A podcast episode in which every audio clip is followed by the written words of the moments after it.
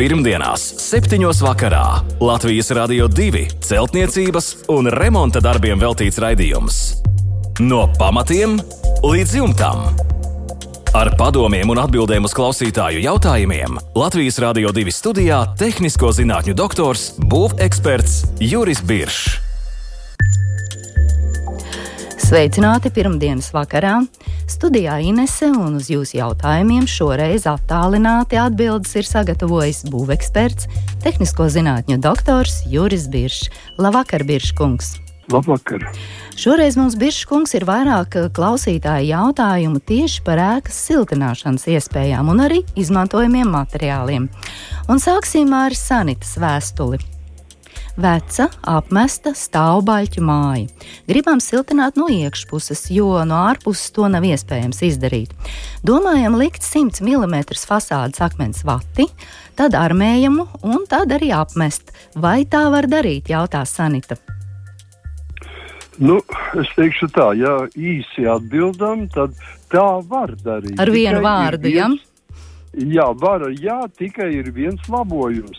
Jā. Jo, ja mēs siltinām ēku no iekšpuses, tad jau ar sevišķi ar minerālu vati, tātad fasādes akmens vati, tad siltajā pusē jāliek vēl ir tvaika izolācijas plēve. Un tikai tad būs uh, stiegrojuma sirds, un tālāk būs apmešana un krāsošana un tā tālāk.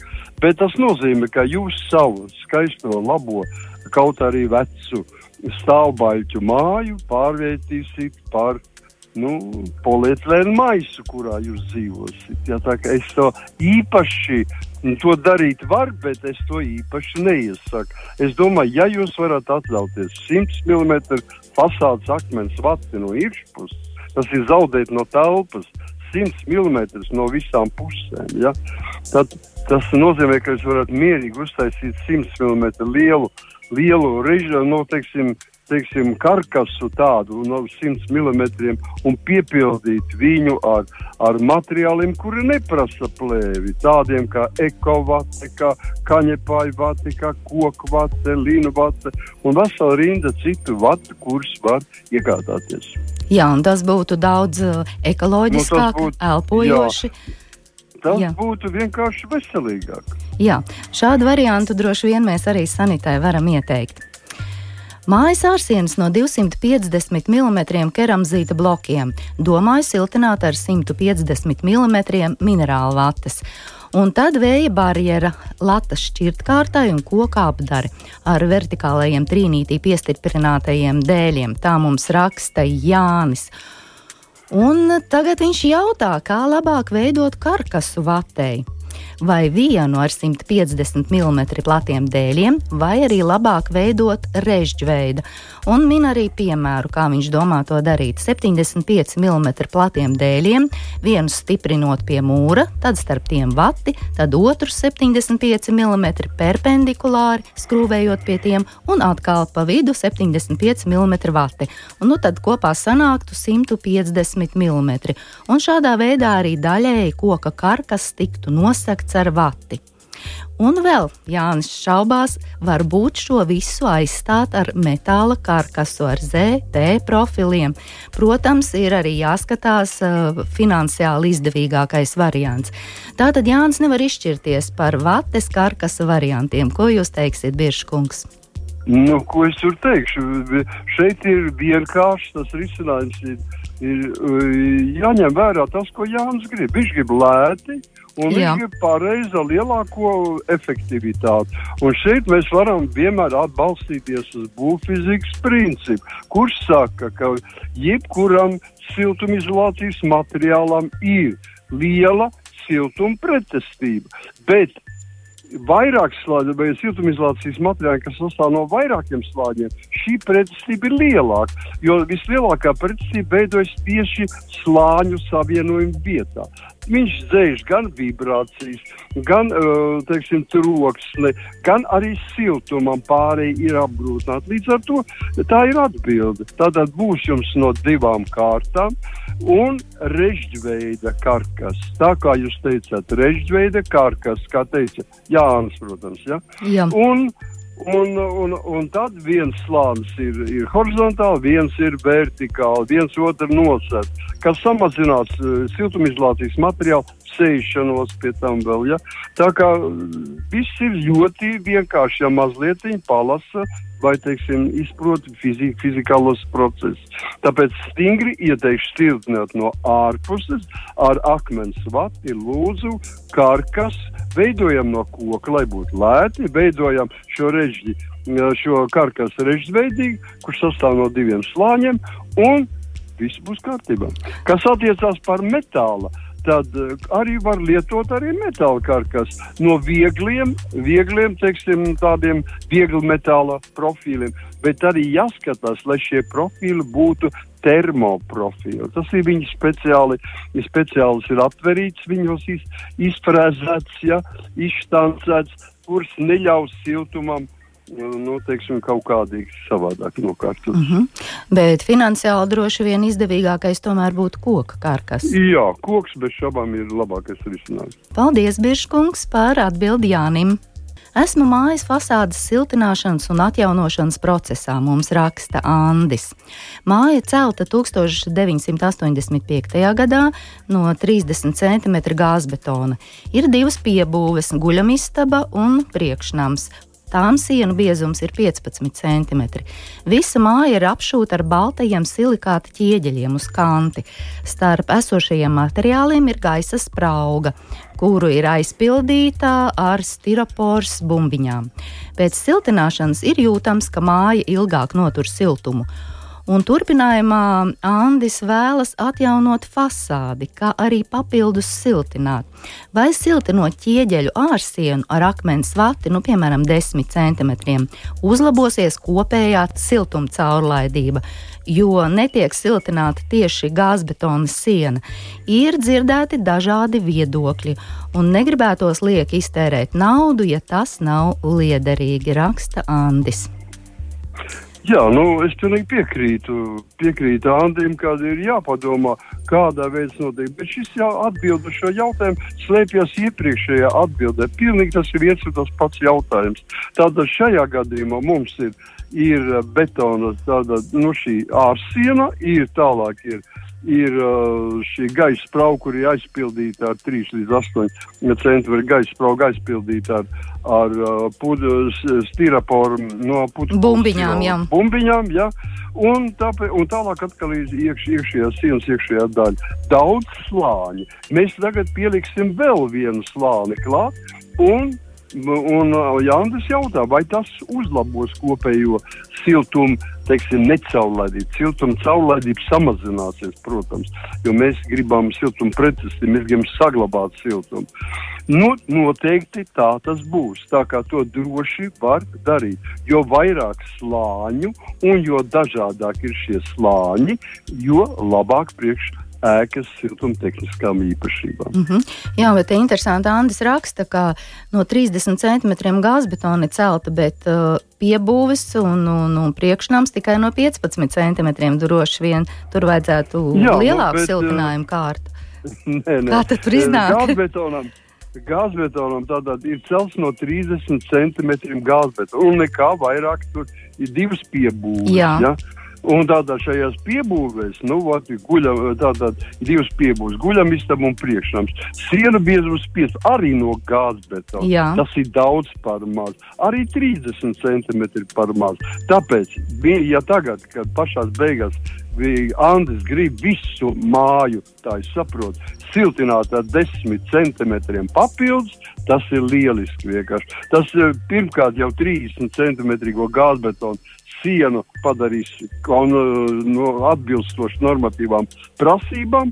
Un tur, kur ir siena biezums tikai 15 centimetri, nu, tur viņš sakot, pietuvosies ļoti labi kopējo, kopējo bilanci uzlabos.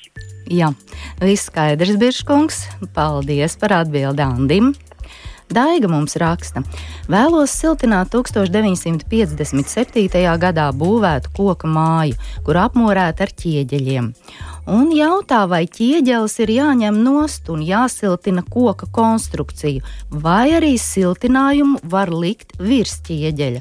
Un ar kādu materiālu labāk siltināt būtu šādu ēku, lai tā būtu elpojoša un arī energoefektīva.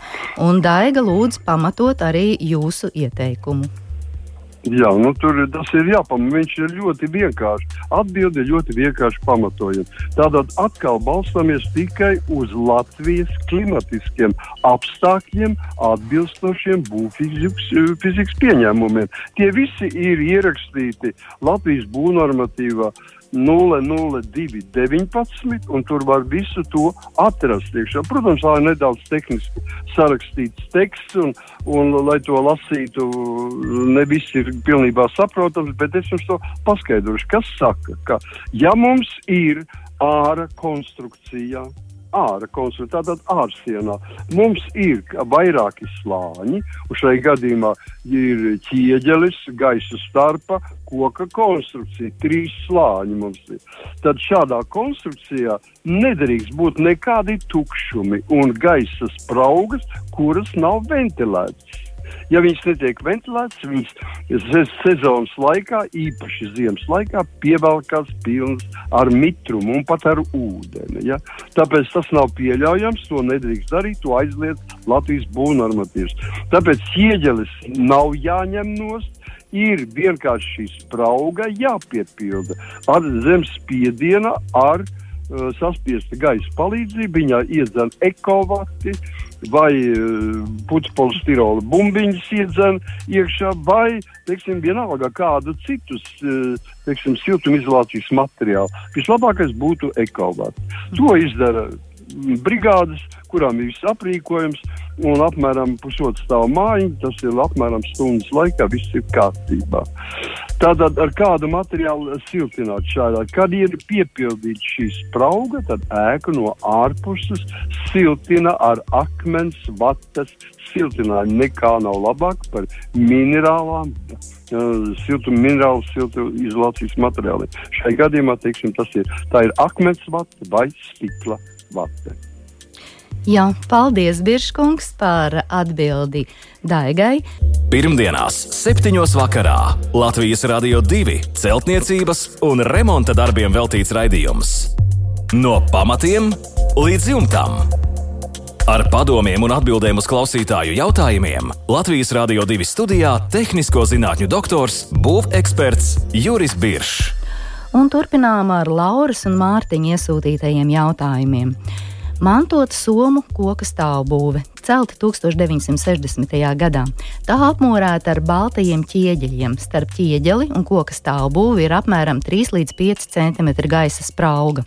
No iekšpuses sienā un griestiem veco laiku rīģipsis. Tas nav bojāts, pieskrūvēts pa taisno pie stāvbūves, bez plēves. Un jautājums ir, kā pareizi siltināt. Domājam, no iekšpuses likt koka spundētos dēlīšus un no ārpuses baltos ķieģeļus, tad apmest. Ar ko sākat un kāda būtu pareizā darba secība? Šie ir uh, pirmie jautājumi. Un, ja spraugu piepūstu ar ekovati, vai tā nenosēstos, ļoti pareizs domu gājiens, laikam pirmais solis ir likvidēt šo spraugu biržkungu. Jā, nu, pirmais ir tā būtu ļoti pareiza doma. Es tikai gribētu teikt, ka varbūt ka viņi par cik viņi negrib siltināt no ārpuses, bet likt tikai baltos ieģeļus vēl papildus klāt, nu tad var to arī atļaut. Tāpēc, teiksim, tur ir vairāk, šeit ir vairāk gadījumu. Pirmais, kas nozīmē, ka mēs nedarām neko no ārpuses, atstājam gaisa spraugu un iekšpusē mēs siltinām. Atkal divi gadījumi, ja siltinām ar ar uh, minerālu vati, tad jāliek atkal plēve priekšā istabas pusē, un aiz plēves mums būs apdars materiāls.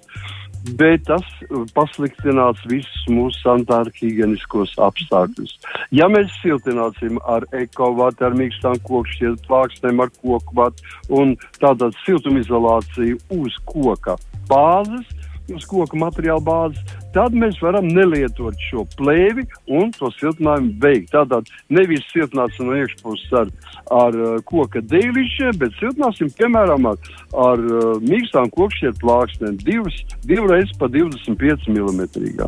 Un pēc tam uz viņas virsmu mēs varam likt kaļķu vai māla apmetu. Mm -hmm, jā, paldies. Ar, ar stiegrot. Un tā ar to viss būtu ļoti labi. Bet, ja mēs gribam darīt visu pilnīgi tā, kā vajadzētu, tad pirmais ir piepūšam šo spraugu, 3-5 cm gaisa spraugu, piepūšam ar ekovati, un tad no iekšpuses mēs varam atļauties tikai vienu kārtiņu, 25 mm mīkstās kokšķiet plāksnes, no, nosiltināt, un ārpusē varam atļauties no vismaz 5 vai 10 cm akmens vats plāksnes.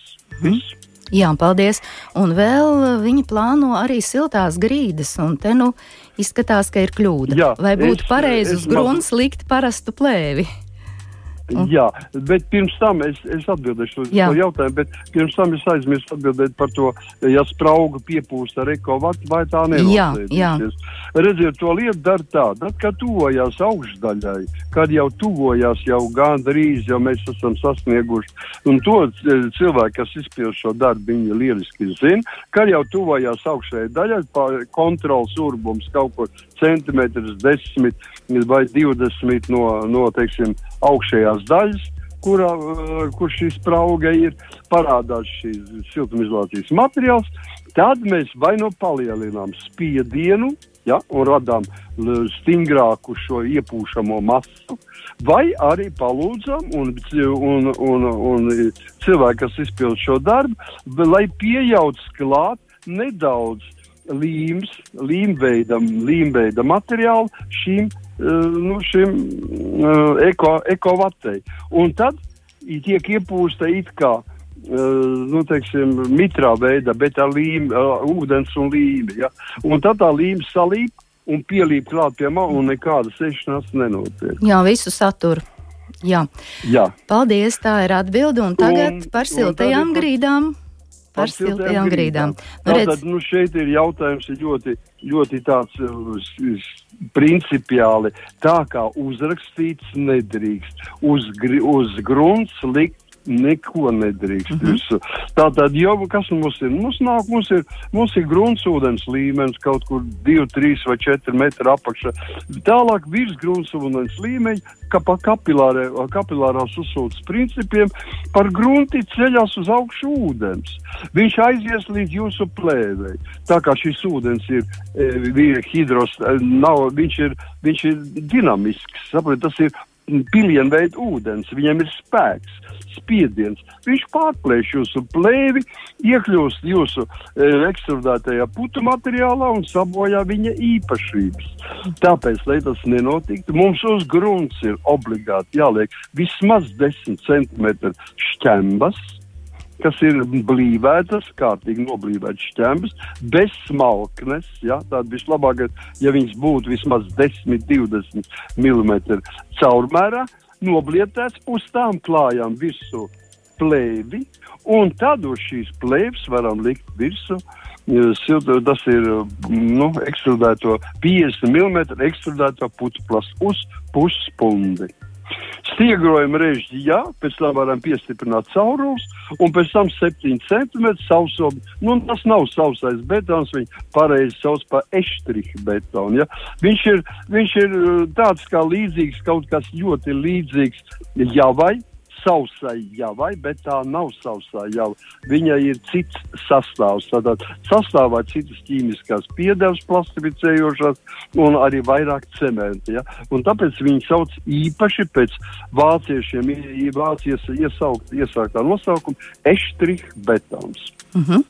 Jā, paldies, Biržkungs, par atbildi Laurai Mārtiņam. Darbu tiešām ir viņiem daudz, vēlam veiksmi!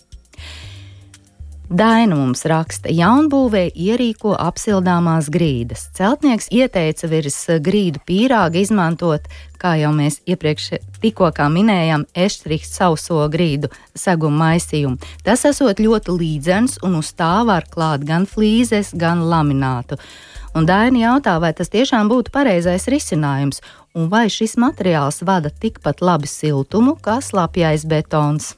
Nu, es teiktu, ka viņš vada vēl sliktāk nedaudz, un tas jau nāk tikai par labu jums. Ja? Jo labāk vada siltumu, jo tas ir sliktāks materiāls. Metāls vislabāk valda, un metālu mēs apakšā neliksim.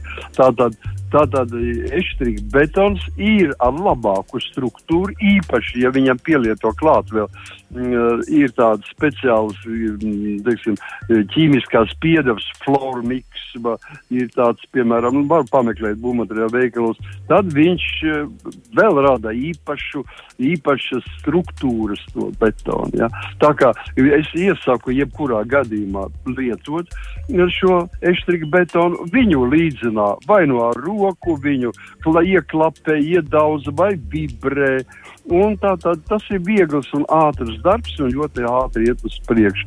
Tas ir daudz mazāk izplata telpā ūdeni, jo atceramies, ka no visa ūdens, tas ir ūdens daudzums, kas ir vajadzīgs vienam kubikmetram, lai pagatavotu betonu, ir apmēram vidēji nu, 180, 200 litri. Uz ķīmiju aiziet no ļoti rupju rēķina, no 25 ceturtā daļa. Nu, ja jums ir 200 litri, tad 150 litri izgaro telpā, iesūcās sienās, griestos, grīdā un rada jums spēlējums, sēnes un visādas nepatikšanas. Ja? Tāpēc, samazīt, pielietojot šo saucamo eštrīgu betonu, mēs to visu samazinām. Jā, to mēs varam arī ieteikt Dainai, un uz tā, kā jau Daina raksta, var klāt gan flīzes, gan laminātu. Tā viņai Jā. iesaka celtnieku, un tā arī tas ir. No pamatiem līdz jumtam. Ir doma nosiltināt pirmā stāva grīdu. Dobto paneļu pārsegums, apakšā pagrabs, grīda ir ļoti vēsa. Vai prātīgi būtu siltināt ar ekovati, vai vajag likt plēves, hidroizolācijas materiālus? Ja jā, tad kādus un kādā secībā? Un Mārtiņš ir iecerējis 28 mm biezu dēļu grīdu. Jā, nu, jautājums ir ļoti interesants priekš ļoti daudziem, es domāju. Un es vienkārši dalīšos ar savām personīgām pieredzēm un domām šajā lietā. Protams, ka var te veidot hidroizolāciju un var likt virsū siltumizolāciju uz šī izveidotā hidroizolācijas krāju, klājuma. Jo apakšā ir 22 cm dobais uh, dzelzbetona panelis, kas bez šaubām paņems mitrumu no pagraba un virzīs viņu uz augšu. Bet es jums ieteikšu nedarīt šādā veidā. Vispareizākais ir atstāt šos paneļus, tādā noņemam visu nos līdz pašiem paneļiem. Paneļi plika virsma, nekādas smāķus virsū neliekam. Uzliekam virsū telpisku geomembrānu, tātad ruļveida materiāls ar tādām pumpiņām uz āru izvirzītām 8 mm um, augstumā tās pumpiņas. Ar pumpiņām pret betona paneli un nedaudz pie sienām uz augšu. Un tad uz viņa virsū liekam, teiksim, siltumizolācijas materiālu. Varat likt akmens mati cietu, var likt putu polistirolu ekstrudēto, teiksim, 3 cm. Pilnīgi pietiekoši. 5 cm tas ir ideāli. Ja? Un uz viņa mēs veidojam no plātņu veidu materiāliem grīdas klājumu. Piemēram, nu, teiksim, mitrumisturīgo reģips un 90 grādu leņķī pārbiņu klājam iekšā grīdas reģips. Un augšā liekam visdārgāko parketu, kā tikai mēs varam dabūt. Lūk, Tad mums ir šī plēve, šī e, telpiskā geomembrāna kalpos gan kā izolācija, gan kā drenējošs līdzeklis. Un visi mitrumi no betona iznāks ārā pie grīdu līstēm. Zem grīdu līstēm, zem grīdu līstēm viņš arī ieies telpā, ko mēs nekad nemanīsim. Būs ļoti skaista 28 mm bieza dēļu grīda. Lai, Lieliski. Jā, lai Mārtiņam viss izdodas. Un tagad gan Rasmas vēstule. Dzīvojam pēdējā stāvā. daudz stāv mājā, logiem un istabas stūros veidojas spēcīgs pelējums, no logiem tek ūdens. Ko darīt? Ko pielietot. Mājās ir arī dzīvnieki, un Rasmus Kundze raksta, ka viņi nevar atstāt māju. Jāsadzīvo remontam ar mājiniekiem un ar dzīvniekiem. Ko jūs ieteiktu, Biržkungs, šajā nu, gadījumā? Es teiktu tā, šajā gadījumā, protams, ka nav tas labākais laiks, kad sākt. Jautājums ir elementāri vienkāršs, un tas nozīmē, ka māja nav pietiek, ārsienas nav pietiekoši siltināts. Mārsienas ir augstas. Par cik ēkā ir ne tikai cilvēki, bet arī dzīvnieki, tas nozīmē, ka temperatūra telpās ir augsta, un šī Uh, augstas, augstas temperatūras gaisa kondensējās uz augstajām ārsienām, veidojās ūdens, kondensējušais ūdens, kurš veido pelējumus, smakas, notek un, var sakot, rada visas nepatikšanas. Lai tas netiktu, mums no iekšpuses ir vienkārši jāiztapsē, tas ir jāapšuj visas ārsienas, tikai ārsienas. Iekšienas nevajag ārsienas ar nu, cik atļautas istabas tilpums. Vai nu ar vienu, vai ar divām kārtām, 25 mm biezā, mīkstā uh, kokšķiedra plāksnē. Mīkstām kokšķiedra plāksnē. Mhm. Jā, un līdz ar to arī telpa kļūs siltāka un nebūs Jā, šī nu, mitruma problēma. Nu, absolūti nebūs. Un pēc tam, kad viņš jau ir sasniegsim vasaru, tad vasarā var ņemt un uzklāt visu apmetumu. Mm -hmm. Jā. Paldies par atbildi Rasmai. Jānis mums raksta, daudz dzīvokļu māja, pirmais stāvs, virtuvē sienas ir nosiltināts ar pretvēju kokšķiedru plāksnēm. Stūrī pie griestiem ir parādījusies plaisa, plaisa iet no augšas uz leju, ārpusē metāla ventilācijas restīte, cauri visai sienai līdz virtuvē iet. Celtnieki nav ierīkojuši ventilātoriņu no virtuves puses, Un Jānis jautā, ko darīt ar plaisu, kā to likvidēt, un vai pie vainas varētu būt neierīkotais ventilatoriņš. Jā, nu šis ir gadījums, ko es jums tā nevarēšu atrisināt. Tas ir jāredz.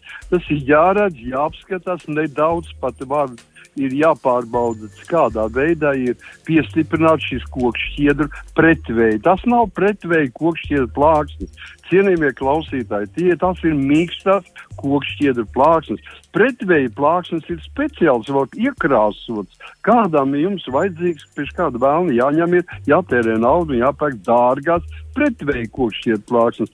Pērkat vienkāršas mīkstas kokšķiedru plāksnes, kas ir no abām pusēm brūnganas, nu, pelēcīgi brūnganas. Un, un, un, un ar, 20, ar 25 mm biezas šīs plāksnes, kas attiecās uz to plaisu, tad man vislielākā lielākā aizdoma ir visticamāks, ir tas, ka šie plaisi notikusi tāpēc, ka plāksne ir iespīlēta, bijusi pa daudz starp griestiem un ap, starp augšu un apakšu.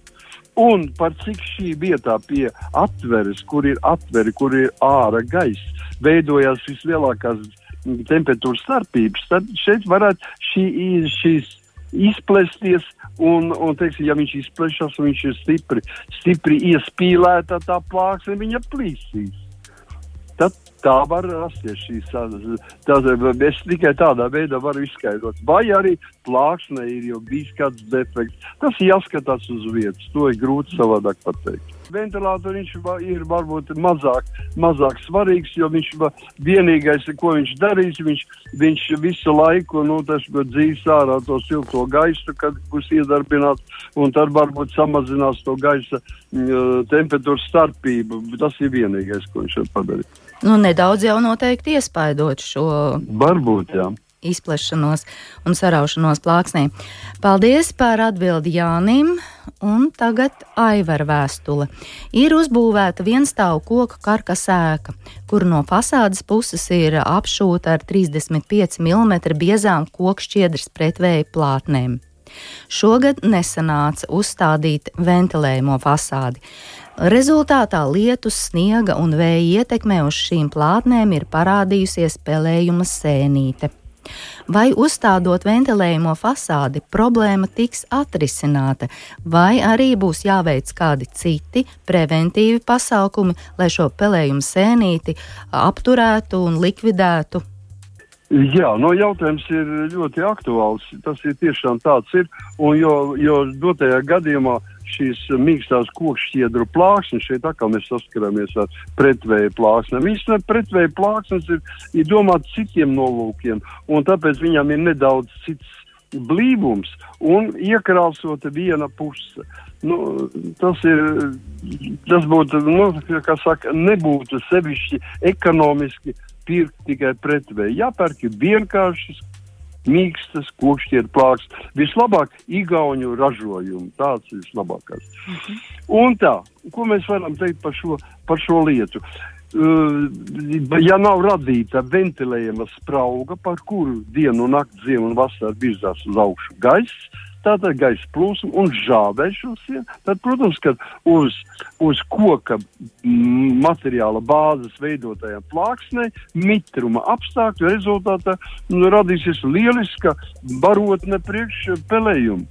Un tāpēc, lai tas nenotiktu, es ieteiktu jau šodien Tas ir īpaši, jo šodien jau nav, viss ir apkusis, un tāpēc būtu ieteicams jau tagad apstādināt pelējumu darbību un nopūst visas šīs sienas, šīs uh, mīksto kokšķiedru plātņu virsmas nopūst ar pretpelējumu līdzekļu, piemēram, fungiju. Ja? Nu, tie jau ir ļoti daudz uz, uz uh, pelējumu sēnišu likvidē, likvidācijai izdomāt uh, dažādu produktu. Ja? Un tādā viņu mēs viņu nopūšam un pavasarī, kad mēs liksim, jau izveidosim šo ventilējumu fasādi, arī atkal pirms likšanas mēs viņu nopūšam. Savādāk mums ne tikai šīs plāksnes, bet arī visas koku konstrukcijas sāks nu, teiksim, inficēties ar pelējumu un ar zilējumu. Jā, tā tad aivaram divreiz ir jāapstrādā ar šo Jā. pretpelējumu materiālu, un, un tad jau cerēsim, ka viss būs kārtībā un sēne pazudīs uz visiem laikiem. Un raidījuma noslēgumā vēl Mārtiņa jautājums, interesants jautājums. Vai stikla pudeles var izmantot kaut kur kā siltinājumu materiālu, nu, piemēram, grīdā vai bēniņos uz melnās grīdas? Ko jūs teiksiet, Bieškungs, par stikla Jā, nu, pudelēm? Nē, es savā dzīvē esmu redzējis vairākas tādas situācijas, un Igaunijos vairāk, varbūt Latvijā mazāk tas ir redzēts. Bet uh, es jums teikšu, ka kad uh, šajā gadījumā atkal ir ļoti labi jāpārzina būvfizika, un tas ir viss. Jo kas ir siltumizolācija? Ne jau stikls, ja? bet gan gaiss, kas atrodas stiklā. Tad šis gaiss ir nekustīgs.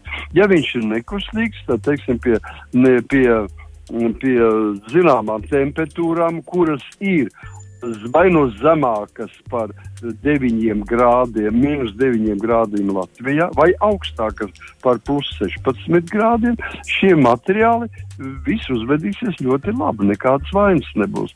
Ja būs zemāks šis temperatūras, mums vajag, lai viņi strādātu pie zemākam, un sevišķi viņus var pielietot grīdā un sienās, bēniņos es gan negribētu nu, tad bija ļoti svarīgi, vai mēs iestrādājam šīs pudeles ar atvērtiem kakliņiem vai slēgtiem kakliņiem. Ja viņi būs noslēgti, tad aizkorķēts pudeles, tad pie zināmiem apstākļiem šajā pudelē veidosies no tā gaisa apjoma, kas ir pudelē un kas var caur korķi vēl ieiet iekšā pudelē, veidosies mitrums, uzkrāsies ūdens, kas būs pat redzams. Bet tāpēc it kā varētu taisīt uz vienu pusi kakliņus, visus viņus vaļā. Viena puse ir uh, tāda, it kā varētu būt ārpuse. Ja? Un viņai uh, stāvus noslēdzošā siena, kas veido spraugu. Un tad mēs ziemā taisām šo spraugu ciet, un viss atrodas, gaiss ir nekustīgs, kas atrodas pudelēs un pilda zināmā mērā siltumizolācijas īpašības. Uz daudz neceriet, bet mazliet viņš palīdzēs. Bet pavasarī taisam vaļā, lai viņš labi izveidinātos visas pudeles un, un neuzkrātos pudelēs nekāds mitrums. Tas ir vienīgais, ko es jums varu pateikt. Jā, man Dirškungs ienāca vēl prātā, ka stikla pudeles nu? var brīnišķīgi izmantot, nu, pareizāk sakot, stikla pudeļu lauskas, veido dažne dažādas mozaīkas. Ja ir laiks un, un, un patīk šādas radošas lietas, es esmu redzējis brīnišķīgus piemērus, jo stikla pudeles Jā. ir visdažādākajās krāsās, un tur var tāds fantāzijas Piekrītu. lidojums attīstīties. Piekrīt, Inese piekrīt, bet gribu arī aizrādīt. Tas ir tikai tad, ja šīs lauskas ir lielas un labi nostiprinātas, teiksim, javā vai betonā. Jā, protams. Teiksim, mēs varam arī pateikt negatīvu iemeslu. Tepat Rīgā, Jūglas masīvā, ļoti daudz namus uzcēla, šos daudzstāvu namus Jūglas masīvā uzcēla padomu laikos ar sienu paneļiem, kuriem bija uzstrādāts virsū trupināts stikls. Jā, ir redzēts. Dažādās jā. krāsās.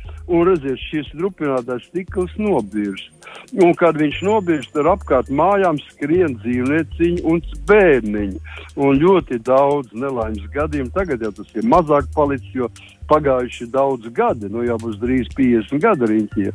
Bet vēl šis tas krītzeme agrāk krita ļoti daudz, un ļoti daudz arī ievainojās. Jā, ar stiklu ir jābūt vienmēr uzmanīgam visos darbos. Jā, tieši tā. Paldies, Biržkungs! Nu, šovakar gan mūsu darbs eh, tuvojas noslēgumam. Uz pārējiem klausītāju iesūtītajiem jautājumiem mēs noteikti atbildēsim tuvāko raidījumu laikā. Vēl tikai atgādināšu mūsu e-pasta adresi remonds at lr2.lv. Varat iesūtīt arī jautājumus caur mūsu mājaslapu un klausieties mūs arī savās iecienītākajās podkāstu platformās. Lai jums mierīgs, izdevies vakars, uz tikšanos! Visu labu! Pirmdienās, 7. vakarā Latvijas Rādio 2 celtniecības un remonta darbiem veltīts raidījums. No pamatiem līdz jumtam. Ar padomiem un atbildēm uz klausītāju jautājumiem Latvijas Rādio 2 studijā - tehnisko zinātņu doktors, būveksperts Juris Biršs.